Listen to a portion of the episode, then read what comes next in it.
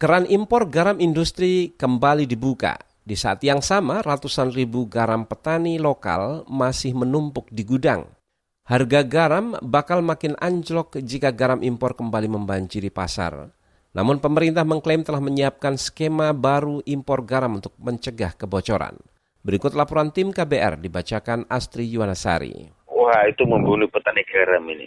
Jadi garam tidak boleh naik. Tolong impor ini hamba dikurangi, jangan ditambah. Biar garam tahun 2009, eh, 18, tahun 2019, sama tahun sekarang bisa laku gitu loh. Tumpukan garam tak laku berpotensi makin menyesaki gudang Lafik. Pasalnya, pemerintah dipastikan membuka keran impor garam untuk kebutuhan industri. Petani garam di Jepara, Jawa Tengah ini khawatir garam impor itu akan kembali bocor ke pasaran seperti tahun-tahun sebelumnya. Jika hal itu terjadi, Lafik dan petani lain makin terpuruk karena terus-menerus merugi sejak dua tahun lalu.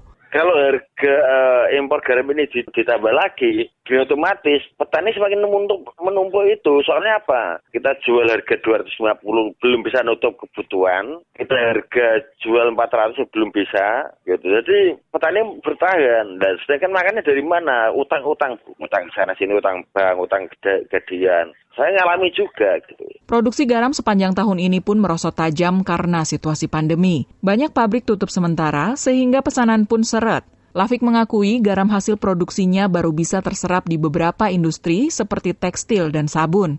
Namun di industri lain seperti makanan, minuman, dan pakan ternak, kualitas garamnya belum memenuhi syarat, yakni kadar natrium klorida lebih dari 97 persen. Tahun ini merosotnya 50 persen dari jumlah kemarin. Kalau kemarin eh, satu hektar dapatnya kan 110 ton tahun 2019, tapi tahun 2020 ini dapatnya sekitar 40 sampai 5 tahun kemarin itu saya jual ke industri. Sekarang soal ada Covid ini, terus pabrik pada berhenti. Pemerintah memutuskan bakal mengimpor garam industri karena produksi nasional belum mencukupi. Kebutuhannya mencapai 4 juta ton per tahun, tetapi produksi lokal tak sampai separuhnya. Alhasil keran impor kembali dibuka, tetapi izin impor hanya diberikan langsung kepada industri penggunanya. Menteri Perindustrian Agus Gumiwang Kartasasmita bakal menentukan perusahaan dan jumlah kuota impornya. Perusahaan yang membocorkan garam impor ke pasar akan disanksi keras. Kami uh, tentu tidak akan membiarkan bahwa bahan baku yang diimpor oleh uh, industri itu merembes ke pasar sehingga mengganggu petani gula maupun petani uh, garam. Ya ini akan kami berikan sanksi yang sangat tegas. Menteri Koordinator Maritim dan Investasi Luhut Panjaitan menjanjikan perubahan skema impor itu bisa menutup celah kebocoran. Dengan begitu, harga garam rakyat nantinya bisa mencapai Rp1.000 per kilogram. Kalau garam pangan makan tuh kita nggak kurang ya, cukup produksinya dan kualitasnya saja yang perlu diperbaiki. Kita pasti dalam setahun ke depan ini sudah bisa kita perbaikin. Yang menjadi kurang adalah garam industri. Nah garam industri tadi ada dua cara. Satu tadi pakai tadi PLTU itu, yang kedua tadi garam industri itu hanya diimpor oleh industri yang membutuhkannya. Sehingga dengan demikian tidak ada lagi nanti garam raya itu menjadi harganya seperti sekarang ini. Garam raya itu harus kita bisa maintain di seribu rupiah Inisiatif pemerintah mengubah skema impor garam mendapat apresiasi peneliti Indef, Rusli Abdullah. Dengan skema itu, industri pengguna bisa langsung mengimpor garam tanpa harus melalui perusahaan importir. Cara ini bisa menekan potensi rembesan garam impor ke pasar domestik, sekaligus memudahkan deteksi kecurangan.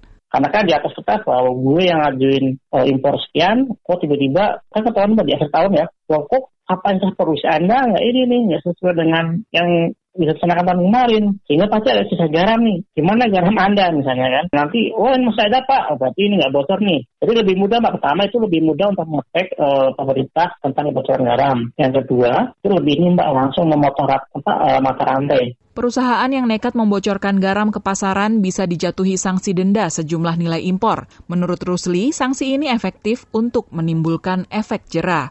Jadi maksudnya mbak, misalnya gini, saya impor dengan 100 Eh, ribu nih harus ribu apa namanya harus ribu US dollar. Ya, saya bocor ini cuman nilainya dua puluh ribu US dollar. ke pasar uh, domestik. Ya udah, saya sebenarnya jangan dua puluh ribu, tapi seratus ribu. Biar saya memang ya apa nanti berlipat ya dengannya tuh. Saya cuma bocorin dua puluh ribu, eh kok malah saya sebenarnya seratus ribu. Ya berarti itu akan sangat sekali memberikan efek yang jerah. Nah saya kira denda itu ini mbak yang paling apa namanya yang paling uh, efektif ya. Rusli memprediksi swasembada garam industri sulit terwujud dalam waktu dekat. Pasalnya, pembangunan pabrik garam membutuhkan waktu yang lama. Baru satu pabrik di Gresik, Jawa Timur yang sudah beroperasi. Itu pun kapasitasnya hanya mampu memproduksi 40 ribu ton garam industri per tahun. Mungkin pertama dengan memenuhi kualitas bisa, Mbak. Contohnya gini, garam rakyat di upgrade toh, maksudnya ini produksinya di apa dibenerin terus biar memenuhi standar industri. Tapi untuk memenuhi kebutuhan industri, saya kira belum bisa mbak dalam waktu dekat. Soalnya harus ekspansi ini nih ladang baru lagi tuh.